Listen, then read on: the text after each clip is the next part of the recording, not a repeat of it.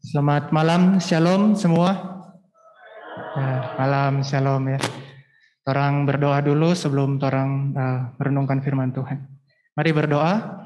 Tuhan, makasih banyak atas kesempatan yang Tuhan sok kasih pada orang di sini for ibadah secara onsite maupun lewat Zoom. Kami mengucap syukur Tuhan, makasih banyak atas kesempatan ini.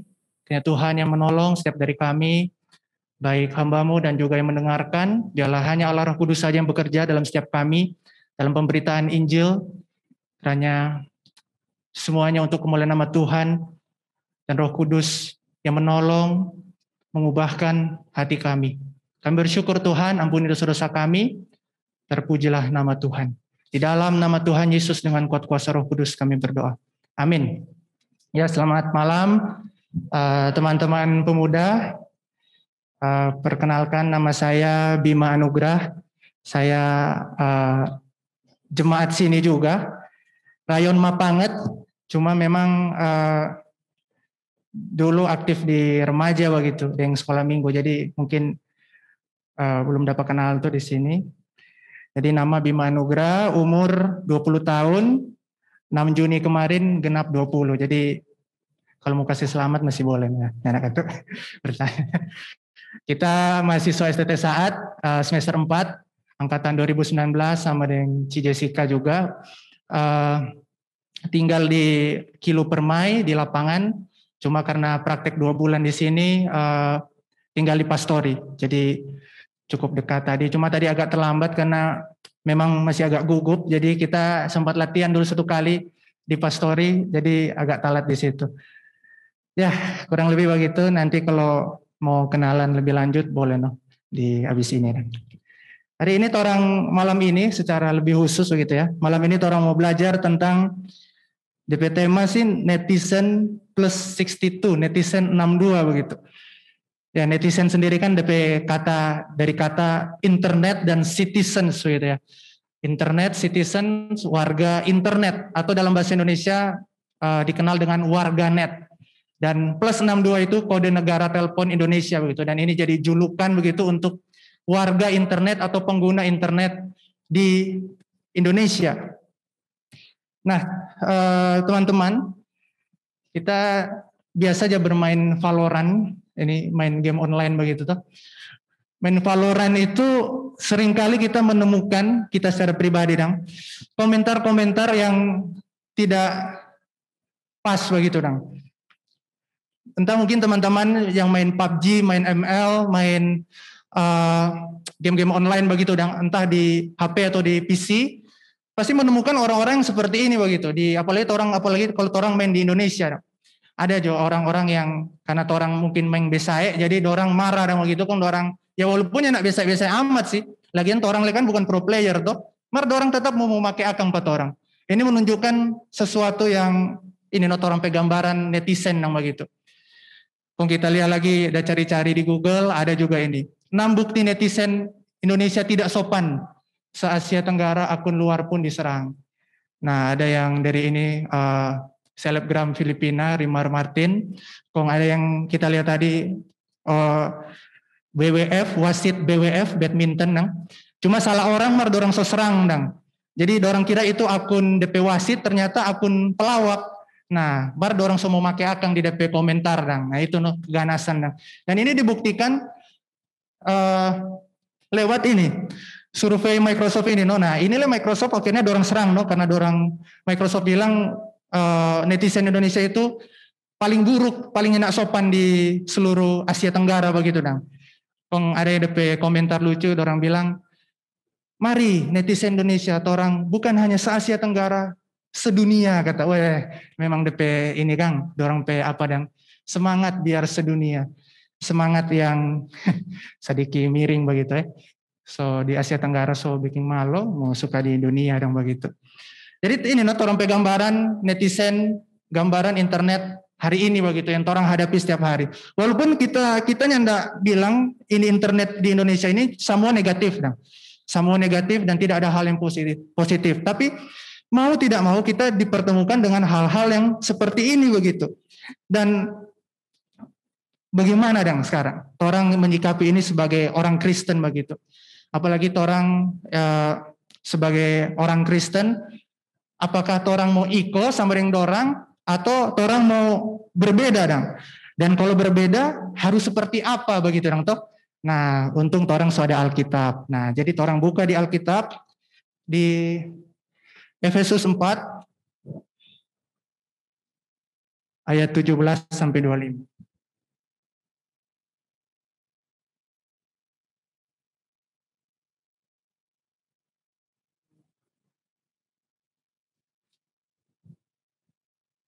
Efesus 4 ayat 17 sampai 25.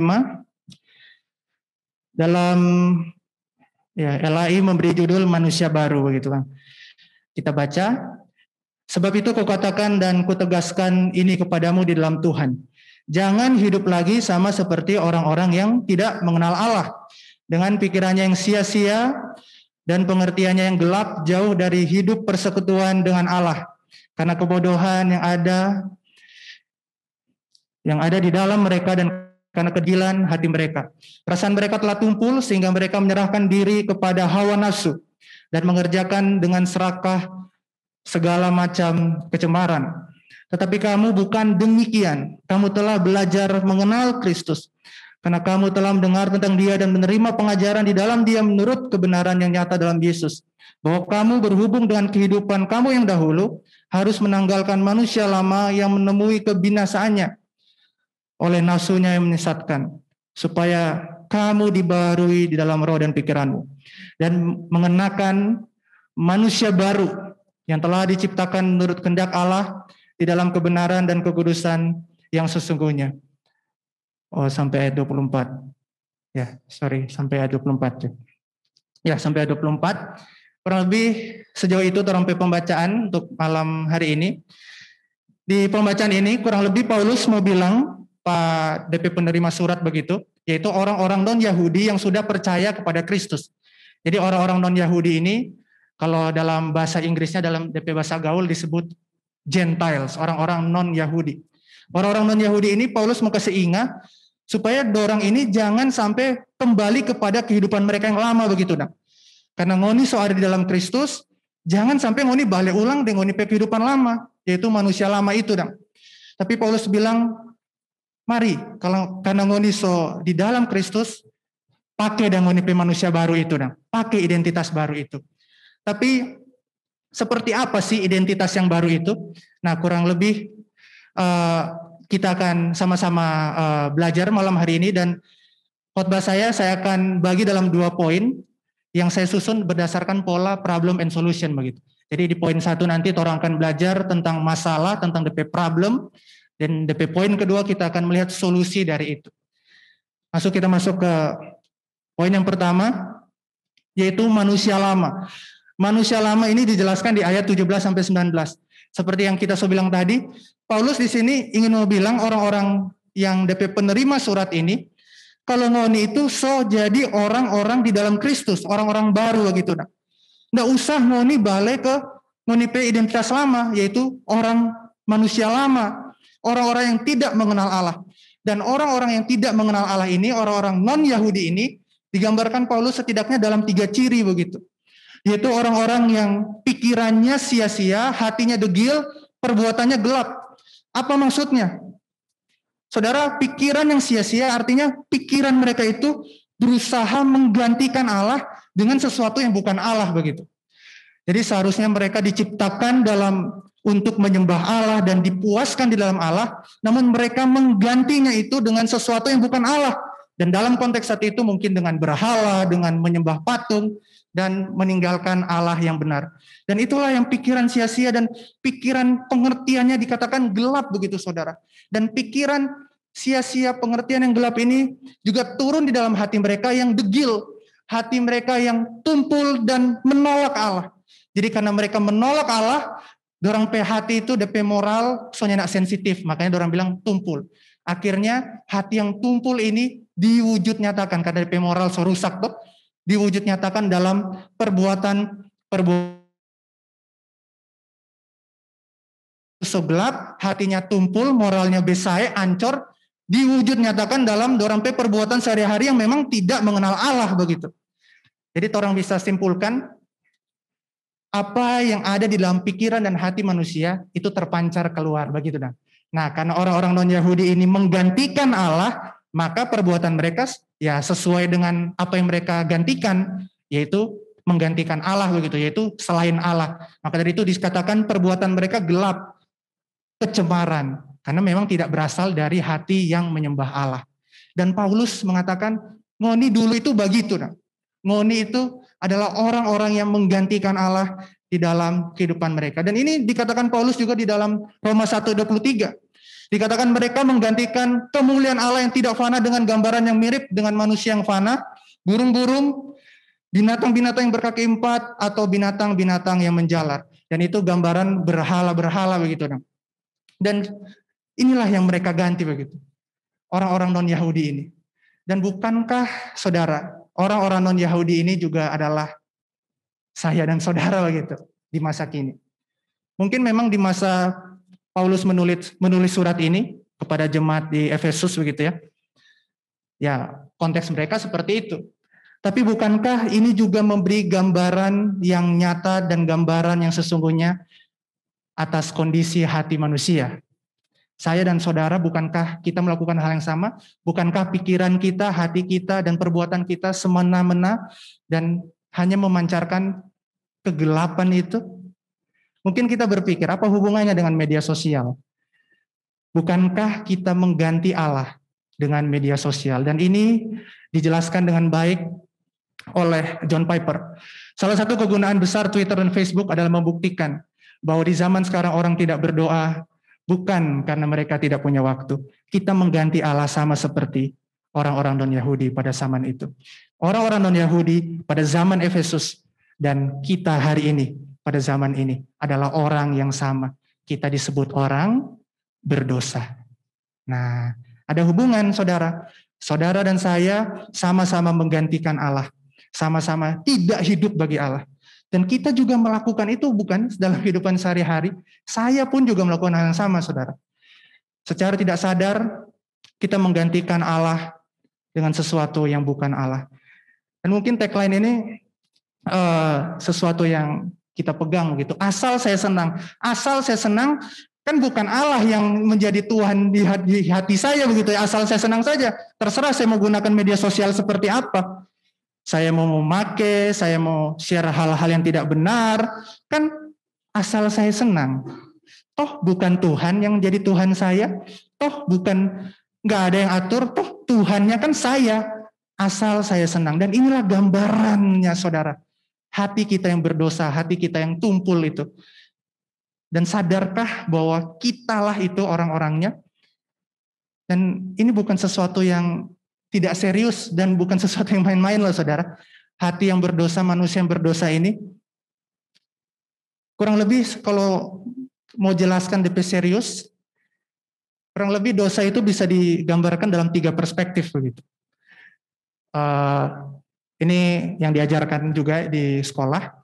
Di saat waktu itu uh, dosen saya Pak Daniel Lukas Lukito dalam bukunya Pudarnya Konsep Dosa dalam Dunia Kekenian begitu ya.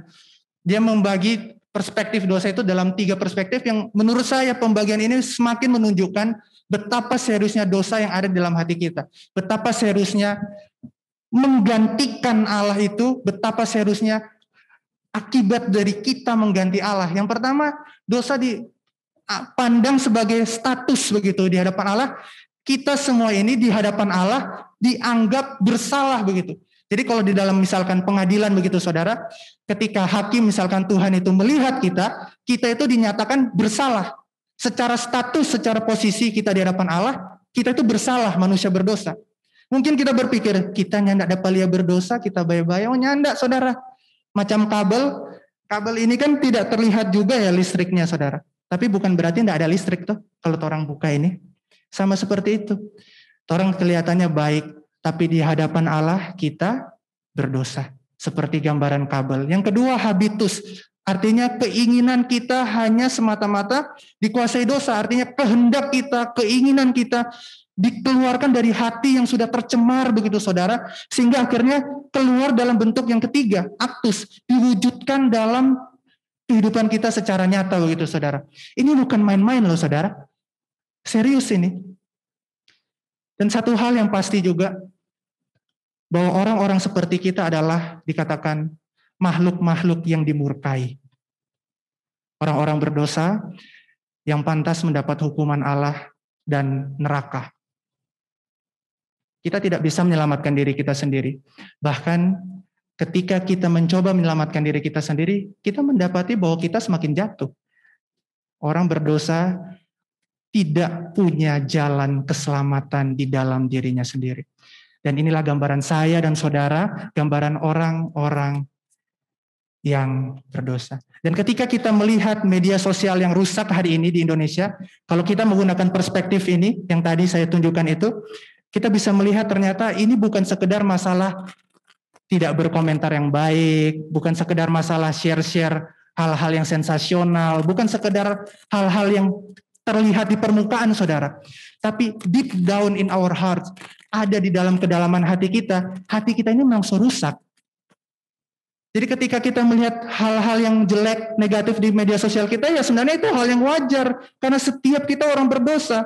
Dan solusi dari orang berdosa, solusi dari netizen plus 62 itu, netizen 62 warganet Indonesia itu, bukan sesuatu yang lahir dari diri kita sendiri, tapi sesuatu yang lahir dari Allah. Dan ini akan membawa kita pada poin yang poin saya yang kedua, yaitu manusia baru.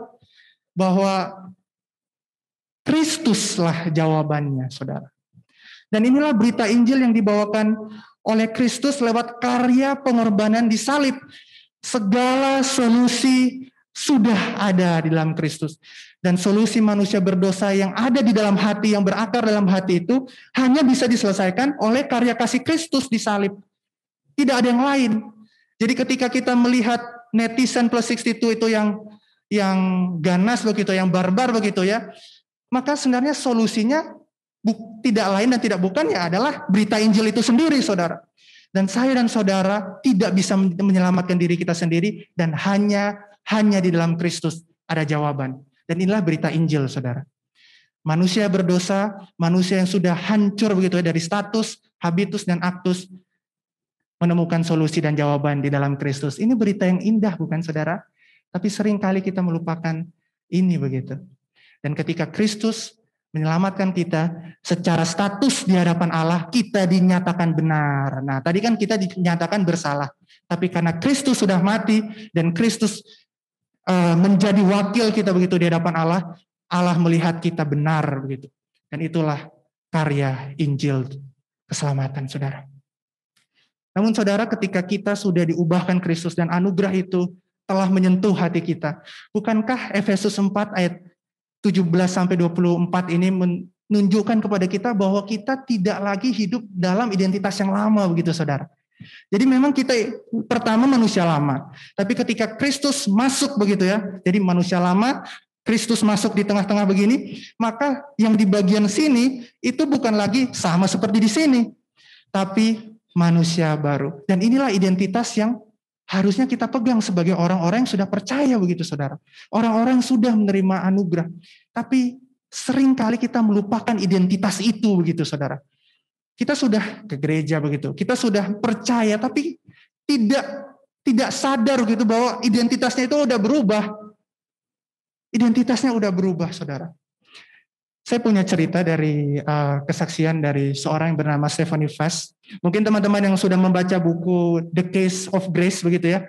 Walaupun saya hanya saya, belum sempat baca, saya baru baca yang chapter 2 ini. Untuk khotbah ini ya cari saya cari ilustrasi. Terus Musa Hendra kasih cerita ini dan saya menurut saya ini cerita yang sangat uh, menarik begitu. Saudara Stephanie Fass ini adalah seorang wanita Korea begitu ya yang dia hidupnya bisa dikatakan ya bobrok begitu ya. Dia hidup di masa perang Korea, ayahnya itu adalah seorang tentara Amerika yang menghamili ibunya secara mungkin tidak sah begitu dan akhirnya Stefani pun tidak mengetahui ayahnya. Dia hanya tahu dia darah campuran begitu atau birasial. Bi dua rasial kan suku ya, dua suku begitu. Dan orang-orang birasial dan Stefani pun juga mengalami hal yang sama. Ibunya membuang dia karena ibunya hanya memilih memiliki dua pilihan. punya masa depan dengan suami yang baru atau tidak punya masa depan bersama Stefani. Jadi ibunya akhirnya memilih pilihan yang pertama begitu ya untuk memiliki masa depan tanpa Stefani dan Stefani dibuang.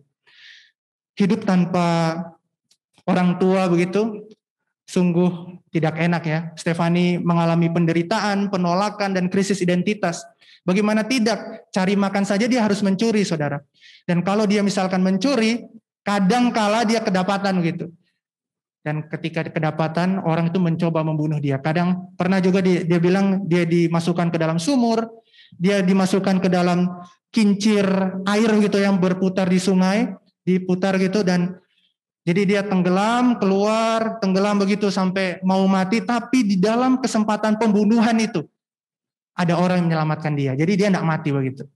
Dan sampai satu kali dia juga mencari uh, identitas begitu penerimaan, dia da, uh, datang ke geng anak-anak jalanan begitu, tapi juga akhirnya berujung pada sesuatu yang buruk. Dia diperkosa juga, dia menjadi alat permainan. Dan satu kali Tuhan mengirim seorang misionaris yang akhirnya mengangkat dia menjadi seorang anak di panti asuhan misionaris ini. Sesuatu harapan yang baik begitu bagi Stefani. Walaupun Stefani ini sudah cukup besar ya sekitar umur 9 tahun ketika dia diadopsi dan dia di sana karena dia so besar, dia merawat bayi-bayi yang masih kecil yang begitu di DP di panti asuhan itu. Karena mungkin panti asuhan itu khusus untuk anak-anak kecil dan ada bayi-bayi di sana. Stefani sangat suka untuk merawat bayi-bayi itu uh, di sana. Dan yang ia lihat itu ketika ada bayi itu ada hal yang wajar itu untuk seseorang datang mengadopsi. Mengadopsi seorang anak begitu yang yatim piatu. Ya, jadi ada anak uh, ada orang-orang yang datang memeluk anak-anak itu lalu oh dia gagal ini tamu ambe bah begitu dan dan Stefani melihat hal itu ketika ada yang diadopsi walaupun dia tidak tahu arti adopsi. Yang penting dia tahu oh kalau ada orang angka bayi ini dan dia bawa pulang itu sesuatu yang baik begitu. Walaupun dia belum pernah diadopsi. Dan pada satu kali Stefani ini uh, kedatangan seorang Amerika, dia bilang seorang Amerika yang besar sekali, dia bilang seperti Goliat begitu, datang dan gambaran orang besar itu pada dalam pikirannya itu orang yang makmur gitu, orang yang kaya. Nah, orang Amerika ini datang dan seperti biasa melihat bayi-bayi yang ada kan dia sosiapkan DP bayi-bayi yang dia sosial mandi, sisir dan lain-lain supaya nih orang mau pilih dan tuh orang lihat satu-satu, dia angka satu-satu sampai semua habis. Karena ada yang dia bawa pulang. Sampai satu kali mata orang Amerika ini melihat ke Stefani yang berdiri begitu. Di ujung mungkin ada kasur begitu, pun dia di ujung situ dia melihat dan tiba-tiba orang Amerika ini memeluk Stefani. Dan Stefani merasa, aduh kita nggak pernah no, merasakan pelukan sehangat ini begitu. Tapi karena latar belakangnya yang buruk begitu ya, dia tidak bisa membalas. Maksudnya dia mau Apakah yang tapi respon yang sebenarnya untuk ketika orang pelok? Apa sih tapi respon? Jadi di dalam ketidaktahuannya dan di dalam masa lalunya yang buruk itu, respon apa yang ia berikan saudara? Ketika ia dipeluk, bukannya dia membalas peluk atau senang berterima kasih begitu ya saudara, dia malah meludahi orang Amerika itu. Bukan hanya satu kali, dua kali diludahi. Jadi ketika dipeluk, semua lepas, dia meludah. Dua kali saudara. Bayangkan. Ini harapan yang terbuka besar. Tuh jendela harapan yang terbuka besar. Stefani bisa diadopsi. Tapi dia malah meludah. Dan akhirnya waktu berlalu. Beberapa hari kemudian orang Amerika ini datang lagi saudara ke panti asuhan itu. Dan di panti asuhan itu Stefani dipanggil gitu oleh pengurusnya ke kantor begitu. Ke kantornya. Rupa orang anak SD begitu biasa kalau masuk kantor berarti ada masalah. Nah, Stefani coba pikir, aduh mati kita ini. Karena kita meludah kemarin mungkin kita ada pemasalah. Tapi ini yang aneh, saudara. Orang Amerika itu bilang kepada pengurus panti itu, dia bilang, saya pingin anak itu. Saya ingin anak itu yang telah meludahi saya. Dan di dalam pikiran Stefani, oke, okay, saya diingini begitu ya, saya ingin, uh, saya akan pergi dengan orang ini, saya akan menjadi budak saudara. Dia pikirnya begitu orang-orang yang diambil dari dari panti asuhan gitu atau dari uh, tempat begitu apalagi dia sebesar begitu tuh dan dibeli dalam tanda kutip mungkin Dia pikirannya itu, oh saya jadi budak. Karena mungkin memang dalam konteks saat itu, itu jadi budak juga orang-orang yang diambil begitu. Dan dia sudah berpikir, oke, okay, mungkin kehidupan saya selanjutnya adalah menjadi budak. Tapi aneh sekali, eh, keluarga baru yang mengadopsi Stefani ini melakukan sesuatu yang sangat baik begitu kepada Stefani. Dan Stefani ini berpikir, kok bagus sekali ya, kok baik sekali ya, kapan saya kerjanya begitu? Saya kan budak, padahal sudah diadopsi.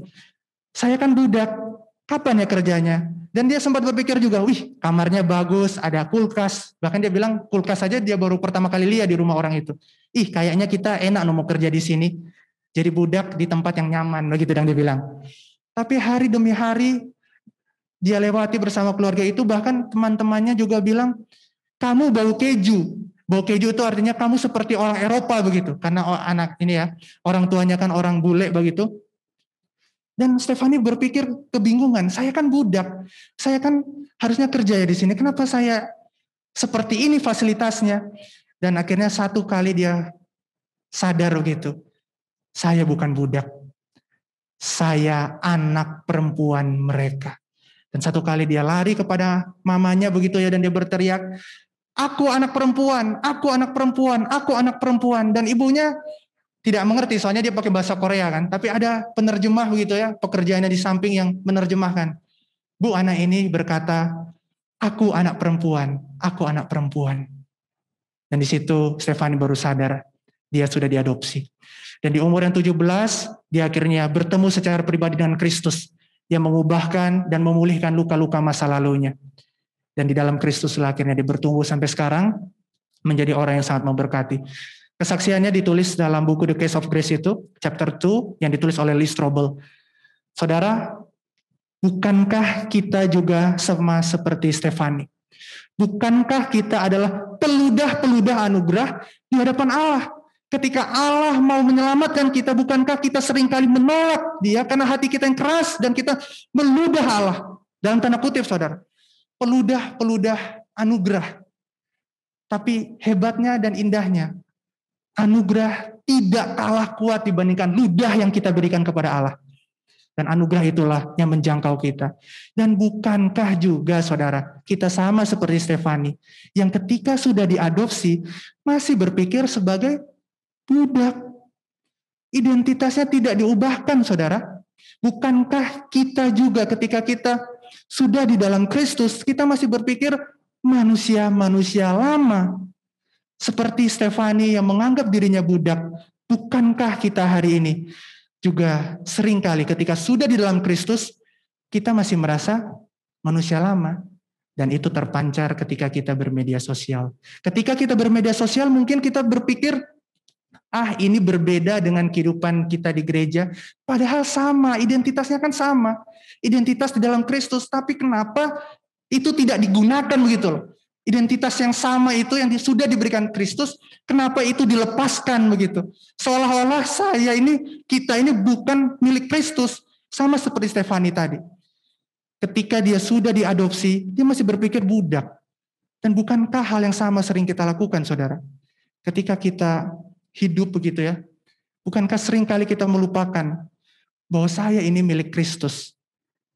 Seharusnya ya saya hidup sesuai dengan identitas saya dong, bukan dengan identitas saya yang lama dong. Ini so, apa ya? Sesuatu kesimpulan logis yang mudah sekali terima loh saudara. Ini nggak perlu nggak perlu jadi filsafat, nggak perlu jadi filsuf, saudara, nggak perlu jadi filsuf. Atau kita harus kuliah dokter untuk menerima kenyataan bahwa ya kalau saya identitasnya baru, ya berarti saya harus hidup sesuai identitas itu dong. Ini mudah sekali, tapi sering kali kita lupa loh saudara.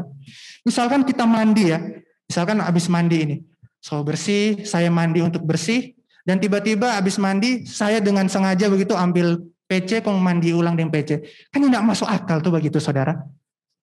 Jadi harusnya memang ketika kita diubahkan oleh anugerah yang begitu besar itu, ketika kita sadar bahwa diri kita berdosa, Tuhan menyelamatkan kita, harusnya identitasnya pun berubah begitu saudara. Dan itulah yang ingin Paulus katakan gitu di dalam suratnya ini kepada surat Efesus ini begitu saudara ya. Kamu itu sudah di dalam Kristus. Harusnya identitasnya ya pakai identitas Seharusnya identitas itu terpancar keluar di dalam kehidupan kita sehari-hari. Dan hari ini itu terpancar juga dalam kita bermedia sosial. Ketika kita bermedia sosial, kita memancarkan identitas kita yang baru.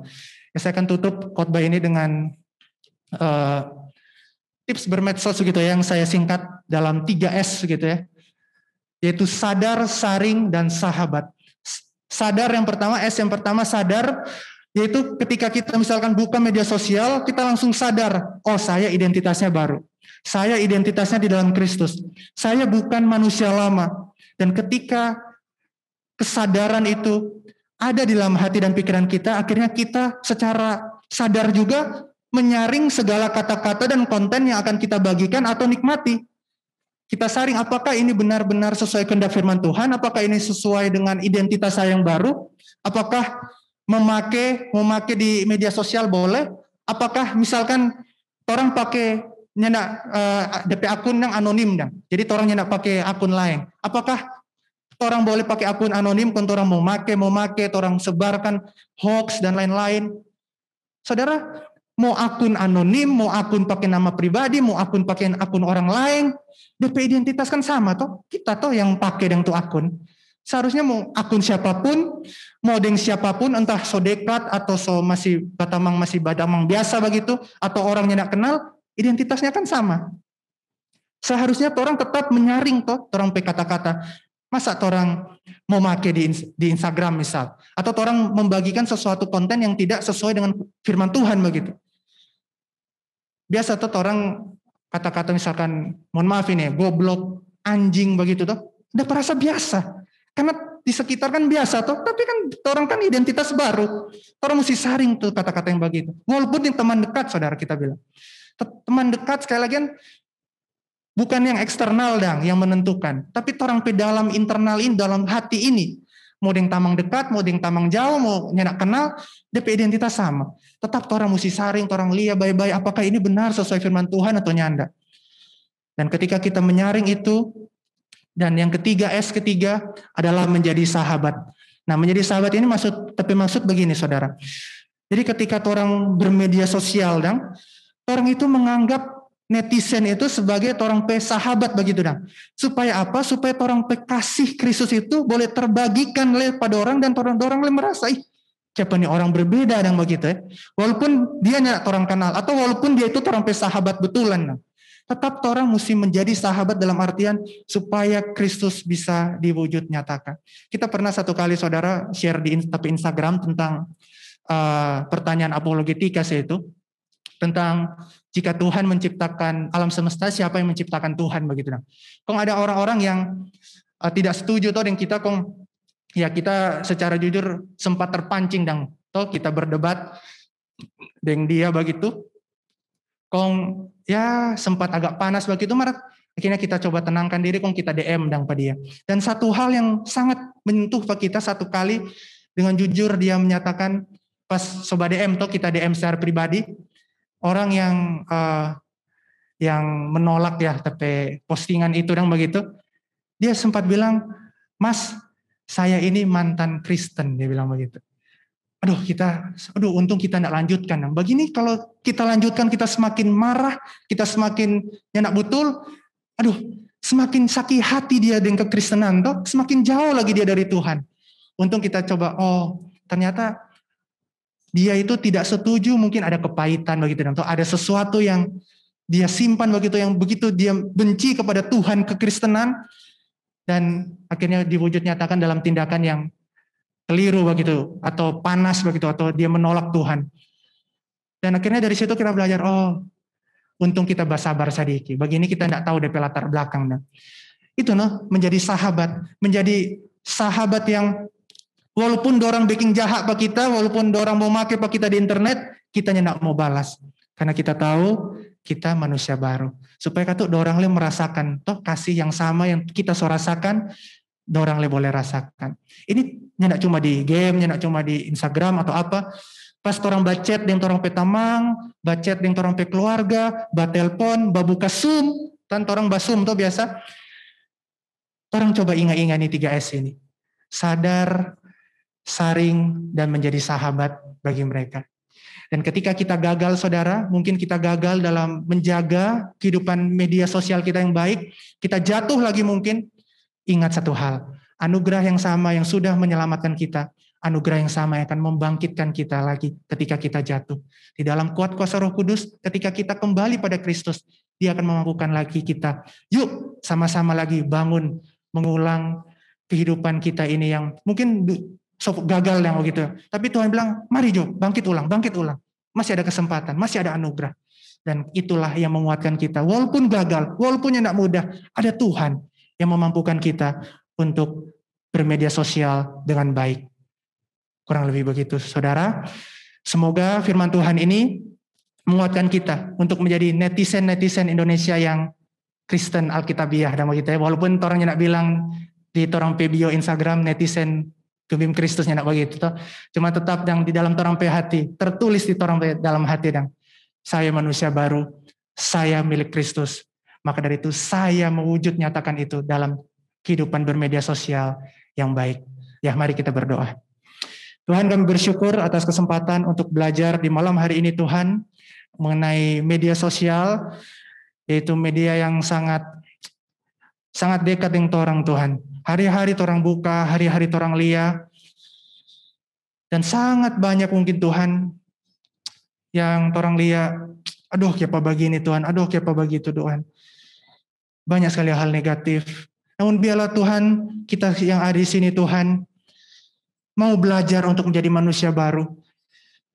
Yang diwujud nyatakan di dalam kehidupan bermedia sosial, di dalam kehidupan kami Tuhan. Tuhan tolong kami. Tuhan orang susah sekali. Kadang orang masih terjerumus, orang masih gagal dalam bermedia sosial yang baik. Namun biarlah Tuhan kami bisa belajar satu sama lain untuk belajar menjadi pengguna-pengguna internet yang memiliki identitas manusia baru di dalam Kristus. Allah Roh Kudus yang terus menolong kami, hambamu sudah menyampaikan karena Allah Roh Kudus yang bekerja dalam setiap hati kami untuk kebenaran firman Tuhan ini terus ada di dalam hati setiap kami. Tuhan, kami bersyukur, makasih banyak Tuhan, makasih banyak. Aktivitas kami selanjutnya, sisa ibadah ini juga kami serahkan dalam tangan Tuhan. Biarlah semuanya untuk kemuliaan namamu. Kami bersyukur di dalam nama Tuhan Yesus. Dengan kuat kuasa roh kudus kami berdoa. Amin.